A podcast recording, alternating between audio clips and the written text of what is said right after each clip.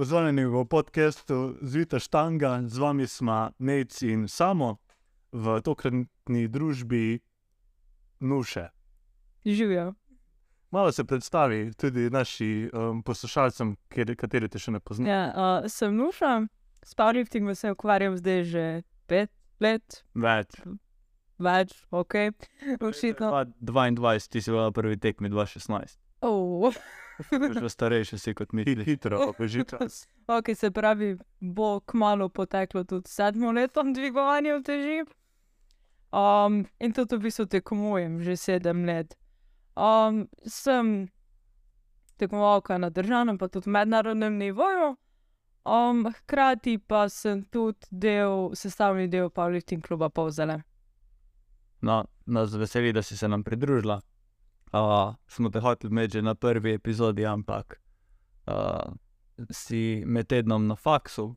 Uh, Odej mogoče najprej, uh, kako kombiniraš treninge, glede na to, da neki si na faksu, neki tudi delaš poleg faksa, uh, med vikendi si tu, kako si skombiniraš treninge, rabiš kaj žrtvovati. Ne, niti ne rabi nič žrtvovati. Treniram pa čisto odvisno od dneva. Če se mi da, grem ponavadi zjutraj v gim, to je pač ono, res zjutraj, zjutraj, da sem v pol šestih v gimu, začnem trenirati. Ampak sem zadnje par dni ugotovila, ker sem zaradi službe pač šla bolj popoldan na trening. Ugotovila, da je v bistvu bolj ugodno biti v fitnessu malo kasneje, da imam tudi malo bolj kvaliteten trening, malo več prostora v fitnessu, in splošno se malo bolj počuti. Ampak tudi zjutraj ni bilo slabo, um, ampak ja, mislim, da bom ostala pri popoldanskih terminih. Se pravi, ti si začela trenirati, ko si še bila dijakinja. Ja, v bistvu iz prehoda osnovne šole v srednjo šolo. Pa je bilo takrat ti lažje organizirati treninge proti dan danes, ko imaš več obveznosti. Pa ne. sem pač takrat sem se naučila organizirati čas in zdaj pač tudi prilagajam, če imam še karkoli drugega. Ali vsi tudi treningi so prilagodljivi, pač trenirati trikrat na teden in pol skombiniram, kaj mogoče na mestu, v torek treniram, recimo naredim trening v sredo, ker imam v torek kaj takega, se skombinira. Pa ne vidiš nekih problemov, da tako kombiniraš, ne vem, časi zjutraj, časi zvečer, časi dva dneva skupaj, časi dva dneva pauze. Odvisno, kako težki treningi so, pa kako dobro se uspem spočiti, ampak zaenkrat nisem opazila velikih problemov. Jaz sem rabil kar nekaj časa, da sem, recimo, ko sem takrat, če se spomniš, samo, sem skoraj ne vem, dve, tri leta treniral zvečer, pa sem pa zaradi spremembe v življenju začel trenirati ob sedmih zjutraj. In sem, ne vem, čisto zaspan sem bil, nisem bil navaden jesti zgodaj. Um, ne vem, se mi je zdelo, da sem se šele na sredini treninga prebudil. Tako da je zanimivo, no, da da se lahko to. Ja, vse načeloma treningi zjutraj itak niso najbolj optimalni, ker pač telo ni najbolj zbojeno. O, jaz za sebe sem opazila, pač jaz sem se zbudila ob 4 zjutraj, kar je pomenilo, da sem pač do pol šeste zjutraj bila že kakor tako zbujena, pojedla sem nekaj, ne oatmeal in šla v gim. Tako Da, jaz sem se počutila zbujeno, Zakaj si se pa tako hitro zbudila? zaradi prevozov do fitnesa, pa tudi zato, ker res si rada zjutraj vzamem čas, da ne hitim, si vse pripravim, oblečem. Se pravi, si bolj jutrni človek. Ne. No, no. Mislim, se to je to, kar smo. Ko si prej omenil, pač, ja, sem žrtvovala to, da sem se bolj zgodaj rabila vstati, ampak sem pa imela pol več od dneva in se počutila nekako, da sem več naredila tisti dan, da sem pač imela čas za kaj drugega. Ker recimo zdaj, če grem pa popoldan v fitness, pa v bistvu, ne vem, sem dve uri tam, pridem nazaj domov in lahko grem kar spat. Ja. A pa recimo, če imaš zjutraj trening, greš pol dne morda prespat. o ja, ja. O, sem pol v poslu, grem pol devetih, zaspim tam do desete ure. Zanimivo, na vsakom odgovarja. Kaj pa recimo, če bi mogla, rekel si, da si tekmovalka na mednarodnem tudi nivoju tudi. Um, če bi mogla recimo zbrati del dneva, da ti najbolj odgovarja tre, eh, tekma. A bi imaš kakšno preferenco, ne vem, dopoldan, popoldan? Hm. v bistvu do zdaj sem vedno tekmovala bolj do povdan. Evrop, letoš, oziroma lansko Evropsko prvenstvo je bilo edino, da sem tekmovala popoldan. Že bolj zvečer. Ja, v bistvu že kar zvečer, kdaj je bila tekma? Sedmih, pol sedmih, Ja, nekaj takega. nekaj takega. In sem se, dobro, sem tudi watercut delala in sem se do takrat že počutila mal, pa ne čisto izčrpano, ampak ne najbolj presepi. Za enkrat so mi te bolj dopoldanski termini odgovarjali bolj. Pa vidva, ko sta zjutraj trenirala, mislim, mislim, da se lahko vsi strinjamo, da v veliki večini primerov za veliko večino ljudi jutranji treningi ne bojo optimalni. Ja, Ampak sta pa oba dva tudi, no, za tebe vem, ker vem, da si v tistem obdobju tudi kar lepe PR-je pokonuša, ti si tudi en čas zelo zadovoljna bila s temi jutranjimi treningi. Kaj sta mogoče naredila, da sta res, mogoče kdo tudi bo rabo kdaj zjutraj trenirati, imate kak na svet, kako si zoptimizirati, da tisti treningi, ko jih narediš zjutraj, da nimaš druge izbire, da si čim bolj zoptimiziraš. Kaj si ti, recimo, Nate, si rekel, da si bil še kar na pol zaspan, a si si na neki točki to zboljšal, kaj si, kaj si spremenil? Je, po mojem je samo stvar navade bila, da sem pač hodil prej spat. Da sem kaj, skozi tedne se privajal, ne vem, hoditi kako uro prej spat, ali prej vstajati.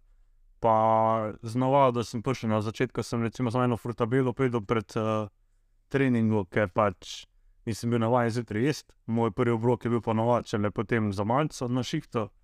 Uh, potem pa iz frutabele prideš pa že ne vem, na, na ne vem, jajce, sendvič ali pa ne vem, čokolino, magarja, ne, da si zvržeš. Ker pri meni je še vedno bilo tako, da sem vsako minuto, ko, ko, ko je možno, sem jo več spal.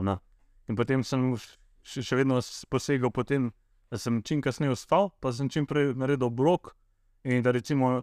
Um, Uh, sem zoptimiziral to, da sem še vedno nekaj jedel, ker zdelo se mi je, pa, da če na prazen želodec uh, treniram, da nisem tako efektiven.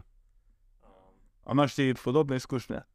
Um, ja, pač spanje, kolikor se da. Jaz pač res sem se navadila in še zdaj, tudi če ne treniram zjutraj, hodim res zgodaj spat ob desetih, poslo do enajstih zaspim. Kar je pač super, ker spanje je recovery. Um, pač, kot sem rekla, meni je zelo pomagalo to, da sem se tako preustala, da sem se zbrihtala do treninga, pa tudi to, da sem si izotonične pijače nosila s sabo skozi. Ne vem, ta bolero sem imela izotonik in sem ga pila med treningom, pa sem si dva 700 ml spila čez trening. Pa mislim, da se tudi to pol pozna. Aha, da si tudi nekaj kalorij. na tak Ja, ja. Kaj pa kafein? A sta, mislim, a, ti, si- ti vem, da si obseden s kafeinom, ne, a si zjutraj še kaj bolj pri tistih treningih posegel potem. Iskreno, uh, po mojem, ne spomnim se, ker zdaj že tudi nekaj časa, ampak po mojem ne. In tako je ona standardna klasika, da spiš en monster med treningom in je čisto ena, to spiš do povdan ali popoldan. Uh, Pa ti pa še med treningom spit monster, gledaj, da je gaziran, o, ja. malo napih. Uh, jaz zelo počasi pijem te pijače. Aha. Pravi, jaz ne spijem, če v monster preden grem trenirati, ampak ga v bistvu imam tako, da ga še šlukam. Naprimer, uh, če naredim uh, počep, imam še vedno monster že v pločevinki. a Ne, se pravi, da spijem pred treningom mogoče malo večjo količino, ampak v bistvu potem je tako, bi nek booster še bil Ja, ja. izkutan.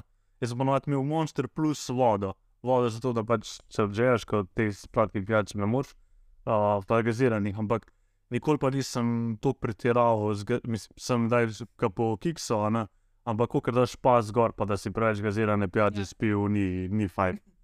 Kako se pa tebi zdi nazaj trenirati bolj redno, pa resno? Ja, um, jaz, um, uh, jaz imam en problem pri treningih in to je, da uh, s tem, ko treniram druge ljudi, vodim klub, uh, sodelujem pri zvezi, pa nas pa bolj konkretno tudi pri organizaciji tekem.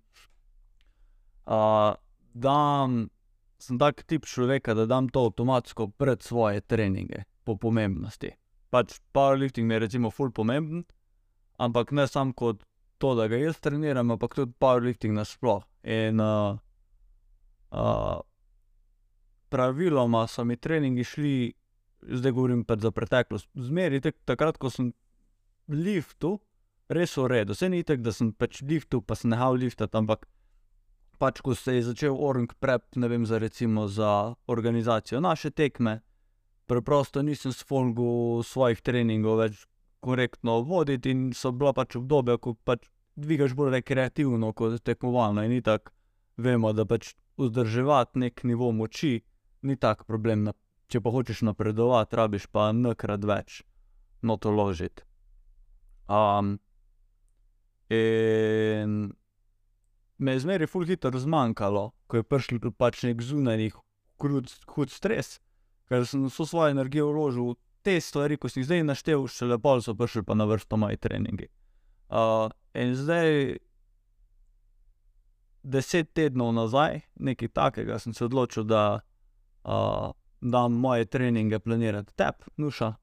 In sem zelo, zelo vesel s to odločitvijo, se pravi, da me zdaj ti treniraš pa tudi cel prehod se mi zdi, da je bil zelo smud, ker smo trening partnerje že od samega začetka, zelo dobro poznaš.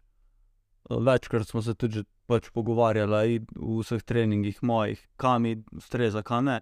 Se mi zdi, da je full hiter prišel na neko dobro zeleno vejo, pa nisem si mislil, koliko me je to razbremenilo, koliko se mi je začelo poznati, ker avtomatsko nisem rabo študirati v svojih treningih, jaz sem rabo samo priti v gim pa dvigovati. Ker sem itak prišel v gim, pa bil v gimu že zaradi tega, ker sem skupaj v gimu, sem pač nisem naredil takega treninga, kot bi ga mogel, zato ker sem si ga rabo splanirati, mogel sem spremenljivke gledati, pač voditi svoje treninge ali pa treninge od nekoga drugega ni lahko. In zdaj, ko si to ti prevzela, je zadnjih deset tednov res bil tak napredek, kot je bil na zadnje, recimo za Štajersko Open 2018.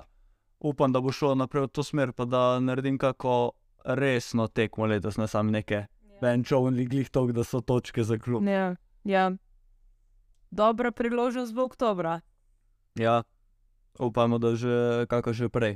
Ampak ja, najkasneje oktober, upam, da bodo treningi do takrat šli v rejo. Um, mogoče moji treningi zdaj grejo v redu. Kaj sta pa, vem pa tudi za vaju oba dva, če smo prej govorili, da si ti treniraš trikrat na teden. Uh, Predtem, recimo, ko si se pripravljal na Evropsko, si stisnila, pa si trenirala štirikrat na teden.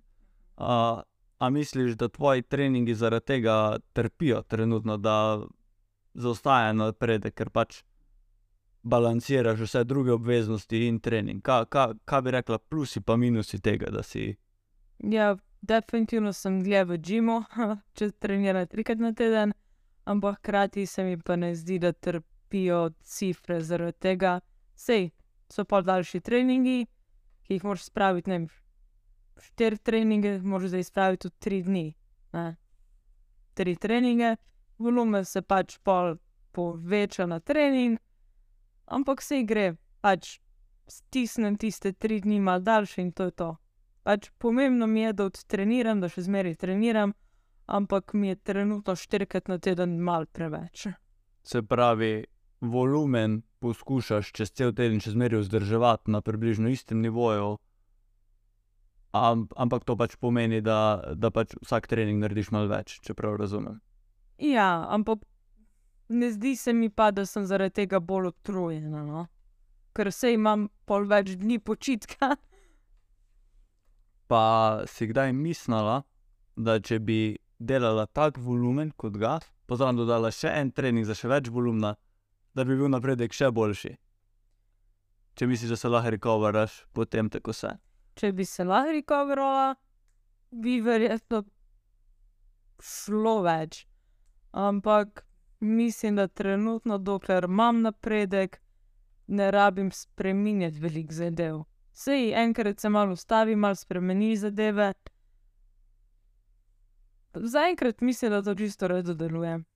Mogoče kak eksperiment za ja. tekme. Ja, da se malo spremeni, pač, evo, da se spremenijo zadeve, da je malo bolj zabavno, ker skozi squat bench deadlift delati ni najbolj zabavna stvar na svetu, pač naredi se, ker se je treba ti, recimo, nec pa po zadnji tekmi, zaradi raznih življenjskih stresov, obveznosti in tako naprej, si bil prisiljen narediti nek kompromis in uh, v bistvu treniraš zdaj dvakrat na teden, je tako. Ja, tako je. Uh, če mogoče greš malo skozi to, kas, kaj je mogoče tukaj, misliš, kaj misliš, da žrtvuješ, kaj je mogoče težje, kaj se ti pa mogoče zdi, da niti ni tako napačno.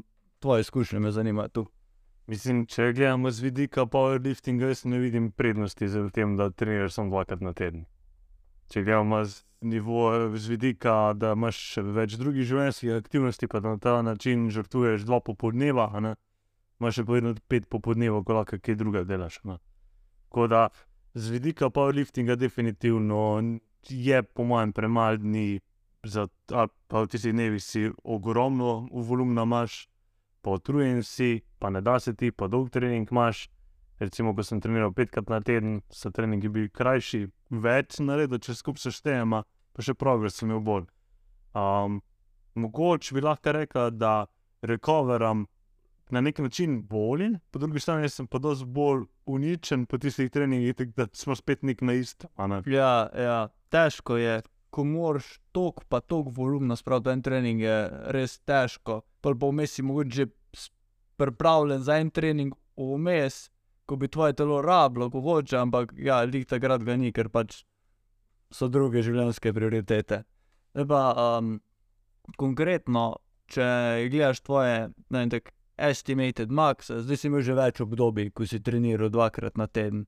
Uh, kdaj si, kako si si ti, ker en del tega je tudi mogoče planiranje tekmovalne sezone. Vemo, da si na svoji zadnji tekmi PR naredil, se pravi, uh, si imel nek napredek.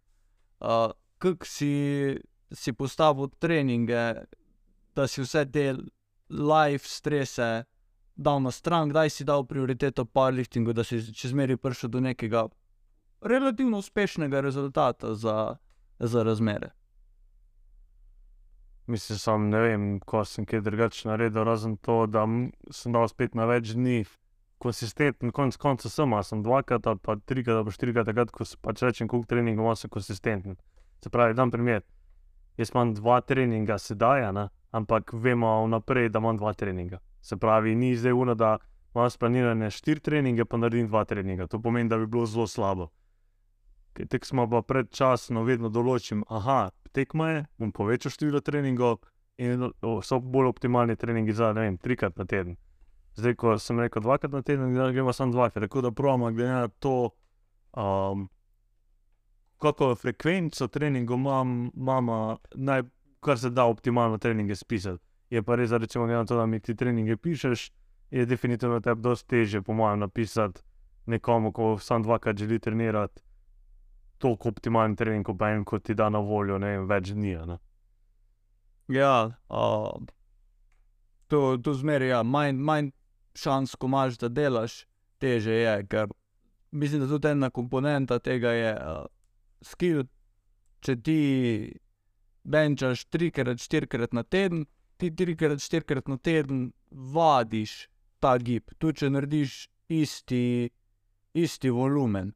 Tako da mogoče že to, da ti v bistvu narediš bench press, pa ga pol čez pet dni spet narediš, imaš v bistvu pet dni vmes, ko ti je bench v narekovajih padel. Se pravi, je zelo enostavno na nek način, vsaj po mojem, držati nek baseline, neko črto, da priješ do napredka, skozi pa tako sem rekel že prej pri meni, da lahko sem tudi jaz vzdrževal neko točko, ampak za napredek je pa svalilo. Mislim, prse, no, mis- mislim, tudi to je ena razlika. Ne? Ko sem večkrat treniral, pa sem imel slab trening, recimo, da treniram petkrat na teden, ne. pa imaš slab trening, pa čak mu se zgodi, ali spiš slabo, ali karkoli. Imaš še vedno v tednu, uh, če gledamo, 20% sam slabe treninge v celem tednu. Če imam jaz pri dvakrat na teden slab trening, to pomeni, da v bistvu polovica treningov mi ni šlo v tednu in je že mentalno ful slabš. Se pravi, dan primer, če imam danes deadlifte, ki bom imel naslednji deadlift čez en teden. To pomeni, da sem ta teden deadliftal slabo. Nimam nobene referenčne točke do naslednjega tedna ali pa prejšnjega tedna. Potem na naslednjem tednu grem malo rezervirano deadlifte, mislim si, ne. In na kar naenkrat si dva tedna na sla, eh, slabših cifrah, samo zaradi tega slabega treninga. Ko morda, ko imaš večjo frekvenco, pa mogoče večkrat narediš en gib, sploh bench, če rečemo, ne. Um, mogoče ne bi bi bolj optimalno, ker imaš večjo frekvenco, bi bolj optimalno hitro šel nazaj gor, ker bi vedel, da je en trening kriv, ne pa da, uh, ne pa da je v bistvu ne, nek tvoj, tvoj ritem, da gre slabo. Ne. Da si pač zdaj sam šipkejši. Ja, ja, ravno to. Ne.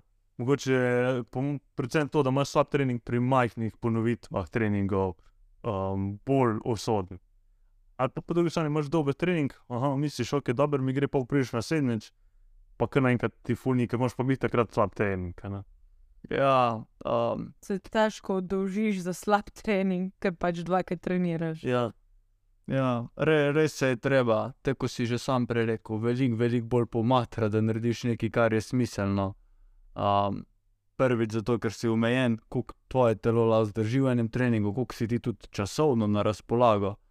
Uh, pa drugič, ja, tudi, tudi to, kako boš ti sploh ocenjeval, kak je napredek, kaj je bil zdaj samo en ponesrečen trening, kaj pa je linija slabih treningov. Zdaj včasih, da rabiš ti 3-4 tedne, samo da ugotoviš, da ti pade navzdol, si ti mogoče dva ali pa tri tedne tega stran vrgel, ko bi delo že nekaj drugega, ko bi ti, ko bi ti bolj uspevalo. Um, kaj pa ti nuže, kako ti gledaš na slabe treninge, kaj narediš, če, če ti gre slabš, da priješ nazaj. Da, uh, konkretno vemo oba dva, da ko je bil, so bile priprave na Evropsko, je bila vmes povzala Open, kot so organizatorka tekme, si močno, močno delala in so takrat lifti začeli mal padati. Kaj, uh, glede na to, da si bila pod močnim stresom, pod velikim pritiskom, kako si, kak si se tega lotvala? Pa mislim, se jaz ugotavljam, da kar se liftanja tiče, mentalno mi niti ne gre slabo. Se znam nekako vzdrževati, pa si reči, pride slab trening, pride malo slabše obdobje, pa ne bo trajalo, bo tudi boljše obdobje, bojo boljši treningi, bojo spet enkrat osebni rekordi, pa bo pač en prep, ko bo res nor, pa bo šlo. Pač pridejo slabi dnevi, tedni, meseci.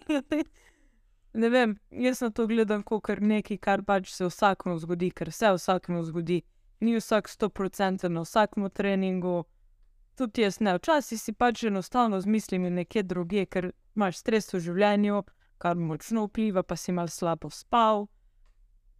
Življenje se zgodi, tudi če treniraš, življenje se zgodi in so slabi treningi, ne sme pa biti to nekaj, kar te pač potre za naslednje treninge. Ker ja, če se mentalno ne znaš zdržati gor, znajo tudi naslednji tedni treningov trpeti. pa si bila mentalno vedno tako močna, si to s časom. Naučiš se s časom, ker ugotoviš, da po parih letih pač ugotoviš, da ti ne bo smer šlo. Kaj pa ti recimo veš, oziroma zaslediš, a je šel en trening slabo, sam zato, ker je pač bil čudežno slab dan, ali si probaš videti, aha, sem slabo spala, mogoče nisem dosti pojedla pred treningom. Kako ugotoviš, da je pač bil sam nek slab trening, ali pa da vidiš, da je treba dejansko nekaj spremeniti?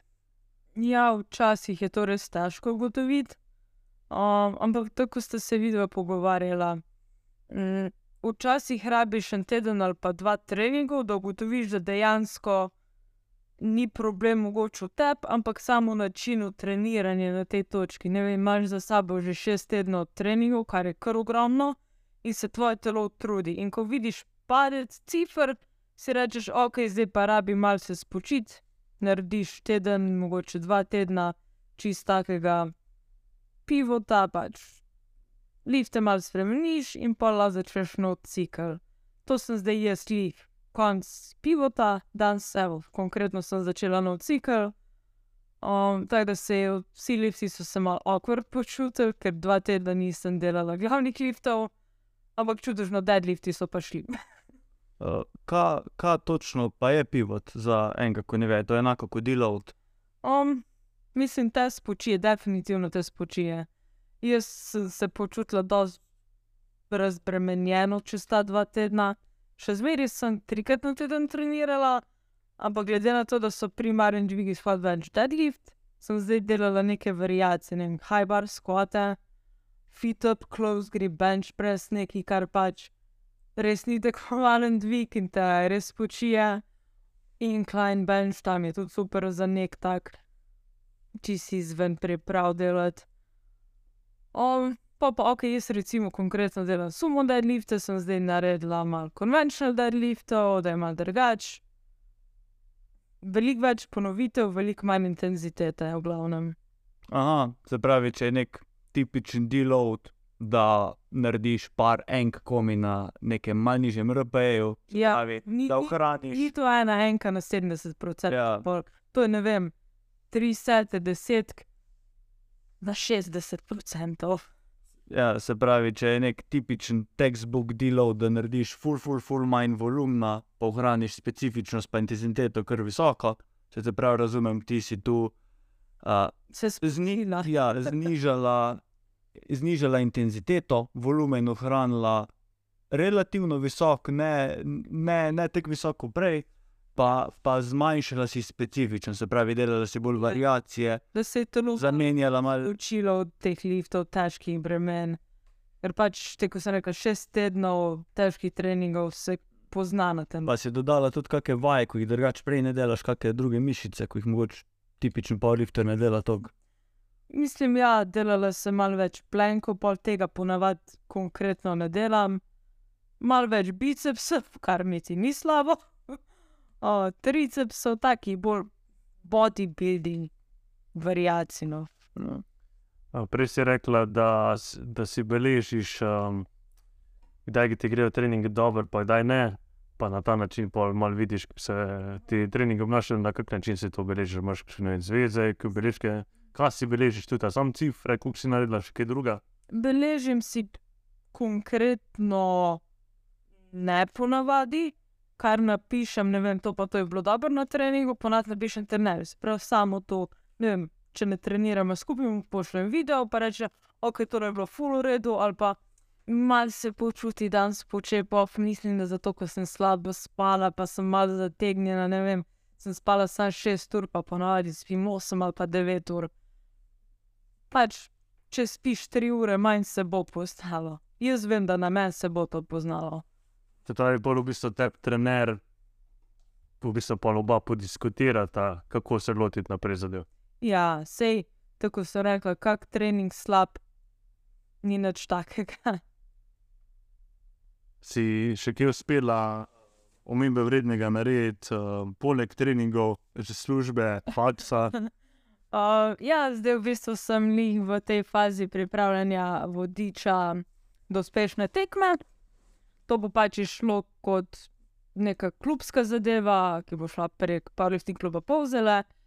Je pa v bistvu namen tega, da pripravi tekmovalca, predvsem novince, na tekmo. Zdaj pred nami je zelo veliko tekmovanje, pač državno prvenstvo, ki se bliža.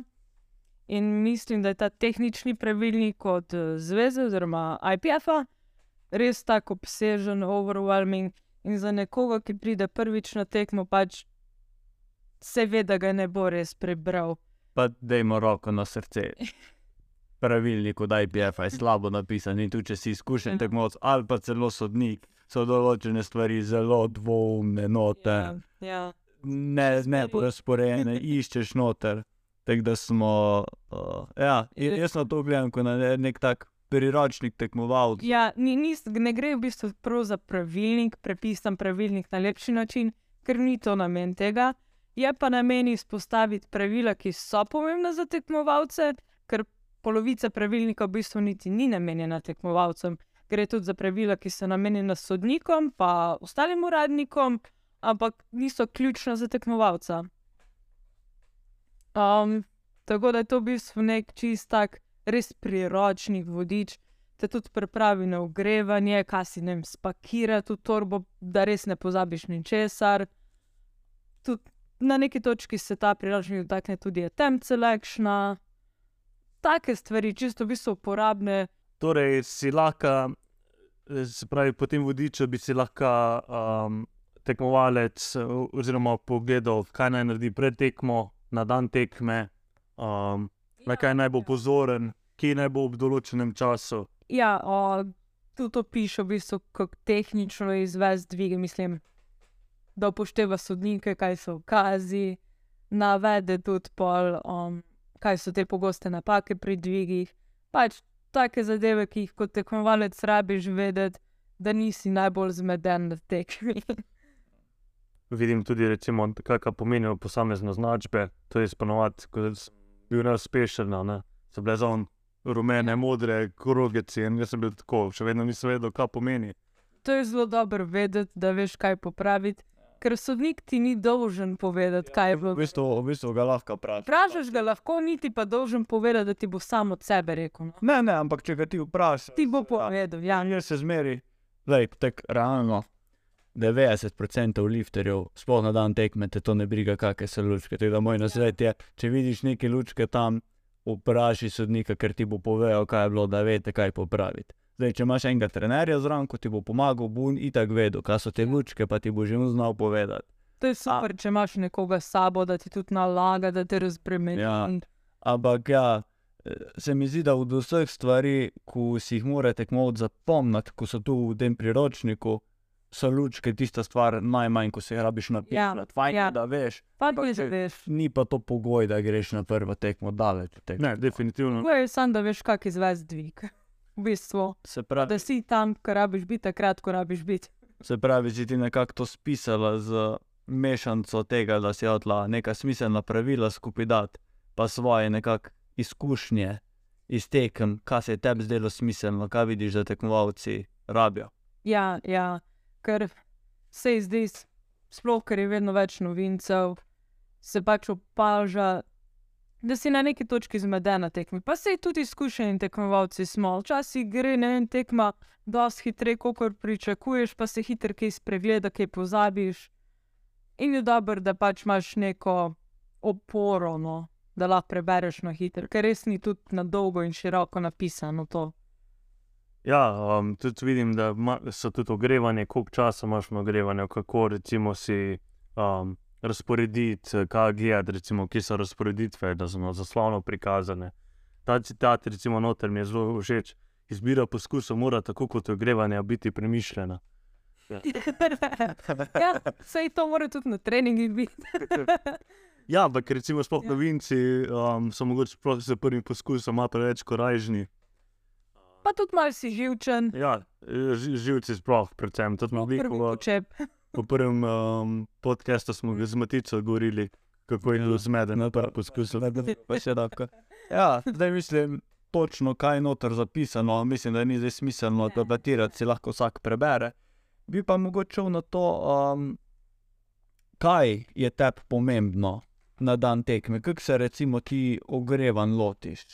Uh, kako si, ja, kak si jih že zbereš, kako ti, ko prideš na tekmo, kako si boš pred tekmo zbrala, kakšne tempte bi sploh imela, kako se boš ogrela do teh temptov, uh, kak, kdaj se boš začela ogrevati, a si daš pas gor že pri prvi, a veš, take stvari, kak, kak je ta, kaj je tvoj miselni proces pri tem? V bistvu sej attempti nekako pridejo že pred dnevom tekme v, v ne vem, spreadsheet, Excel, karkoli se uporablja, neki okviri, vse to na dan tekme malo vidiš.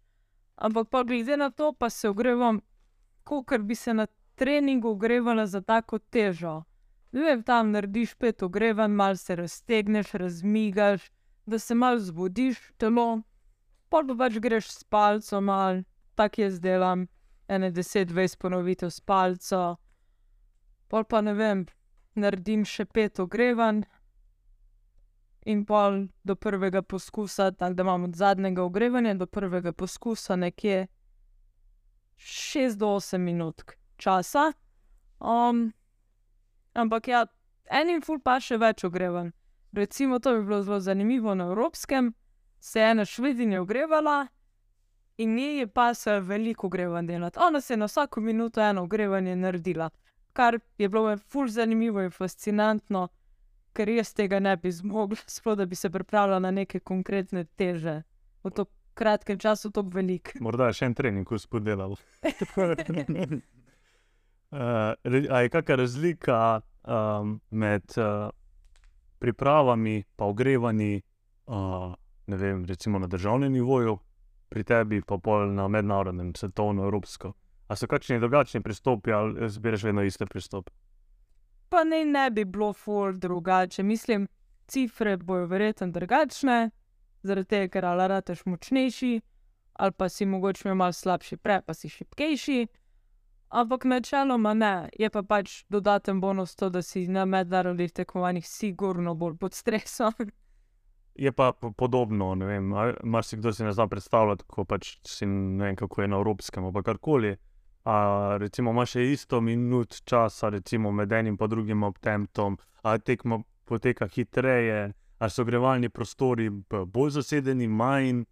A, lahko imaš več ljudi za sebe, kot recimo na državnem nivoju, kako to bo kje. Če konkretno vzamem zadnje evropsko, ogrevalna soba je imela recimo isto reko za ogrevanje, kot je bilo na polzeli, pa na državnem, so bili tudi štirje. Ja, Ja, štir. recimo to, pa je bistveno večje tekmovanje. Ampak ker je pač razporejeno bilo čez 9 dni, so pač bila ena skupina naenkrat in se je dalo ogreti. Kar je pač pomenilo, moja skupina je bila dokaj majhna, kaj 11-12 lifterk. In je šla tekma zelo, zelo hitro, neverjetno hitro. In se mis, mislim, da se je tudi to ful poznalo na meni, ker jaz sem vajena iz državnih, pač domačih tekem, pa tudi do zdaj na mednarodnih nisem imela tega problema, da bi šlo to hitro čez. Zdaj je šlo pa res, mislim, da smo pod dveh, pod dve ure je trajala cela tekma, pravi od počepov do mrtvih finkov. Uh, na državnem je to, mislim, da prek dve ure bilo, kar pač je lažje se zarekoverati, za ogred. To je bilo pa res, si končal, si takoj šel delati, ogrevanje. Tako da ja, je mala razlika v tem, ampak načeloma, ja, čase za poskus imaš še zmeraj isto, ker je pravilnik isti. Um, si lahko imel pa dva trenerja s sabo, ne, oziroma tri. Se pravi, na državnem lahko samo enega. Uh, dva. Dva. Zdaj med koronskimi ukrepi je bilo ponekod enega, ampak praviloma. Pre, praviloma dva, s tem, da pač eden od trenerjev je lahko šel na platformo zraven tebe. Ja. Uh, drugače, en tak dober trik, da veš, a bo tekma šla full hiter ali full počasi, je, da pogledaš na urniku, koliko skupin je. Naprimer, tvoja je šla tako hiter, ker ste bili samo ena skupina. Ja, To pomeni, da ste odliftali, ko je zadnja lifterka dvignila, se je že takoj začelo pripravljati za, recimo, iz počepa na bench press. ja, Je bilo vmes 20 minut in teh 20 minut je bilo fiksno. ja. Ne, recimo, če so dve skupine, veš takoj, da ko si ti konc, bo še cela druga skupina šla dvigovati, in pol bo še 10 minut pauze vmes. Se pravi, imaš ti vsaj pol ure, ja. Ne še več. Verjetno še več. imaš čas, da zadihaš, da se počasi ogrevaš, medtem ko če samo ena Si poješ celo, da se regeneriraš. Medtem ko če samo ena skupina je zelo velika šansa, da takoj po počevi ušmo, Ja. takoj ogrevanje. In tudi najverjetneje prilagoditi malo svoje ogrevanje, glede na to, mogoče celo eno ogrevanje manj narediti, mogoče pač hitreje štempirati ogrevanje, mogoče opener malo znižati, če veš, da ti to ne bo v redu. Pol spet drug a, feno, fenomen. Drug ekstrem je pa, a, tako je bilo na prejšnjem državnem, ko so bile pa A, B, C skupine. Takrat je pa jih to lahko problem, da se ti čisto razgreješ, si pa tudi po eno uro čakal med počepom in benčom, ker si bil ti recimo skupina A, pol je za ta bo šla dvigati skupina B, pol je šla skupina C, pol je bilo pa še 10 minut, se pravi, si se ti v bistvu skoraj eno uro čakal, Ja. predno si se začel ogrevati. Tako da, poglejte, koliko skupin je in lahko že vnaprej veliko lažje splanirate, kakšna bojo ogrevanja. Ja, treba pa samo tudi upoštevati, kdaj si na vrsti v skupini. Recimo, ko se skupina začne, še ni muz, da si ti prvi. Če si je še deset tekmovalcev, kar pomeni še ne vem koliko dodatnih minut uh, ogrevanja Ja. oziroma počitka. Se pravi, moraš še to gledati, da mogoče bo zadnje ogrevanje ti naredil, ko bo že en dejansko tekmoval. Ja. ja, ali pa spet v drug ekstrem, če si ti na prvi tekmi, pa je konkurenčno, velika šansa, da boš ti med prvimi dvigu, kar pomeni, da se moraš ti ugreti, predno se tvoja skupina začne. In um, verjetno si tudi o tem pisalo v svojem priročniku. Ne? O, ja, tam pač, ko prideš na tekmo, zdaj predvideva, da tudi na državnem bo to vse po dve skupini naenkrat dvigovali, se pravi A pa B, verjetno. Daj, verjetno. Če, če ne še vsaj C zraven, ampak najverjetneje bo tak. Kar pomeni, da če si A skupina, boš pač dvigoval prvi. Ja, sej se dotakne tega priročniku, ampak tako, tehtanje se konča pol ure pred samim začetkom tekme, kar pomeni, da imaš pol največ pol ure časa za ogrevanje, ampak realno bo to bolj 25-20 minut, sploh če prvi dviguješ v prvi skupini. Pač to je treba pol spremljati, pa dejansko videti, tudi kje drugi odpirajo. Saj to težko čist predvidiš. Um, in mi se ti najbolj eh, zahvaljujemo za to, da si naredil priročnik, um, za, za to, da mogoče bo tudi našim poslušalcem prišlo. Um, tako da lahko tudi poslušalci dajo kakšen feedback, morda če kakšna stvar manjka. Dobrodošli, lahko tudi pišete na Instagram, poleg pozela. Uh, tako da mi se pa bomo poslovili, tako da adijo. Adijo. Adijo.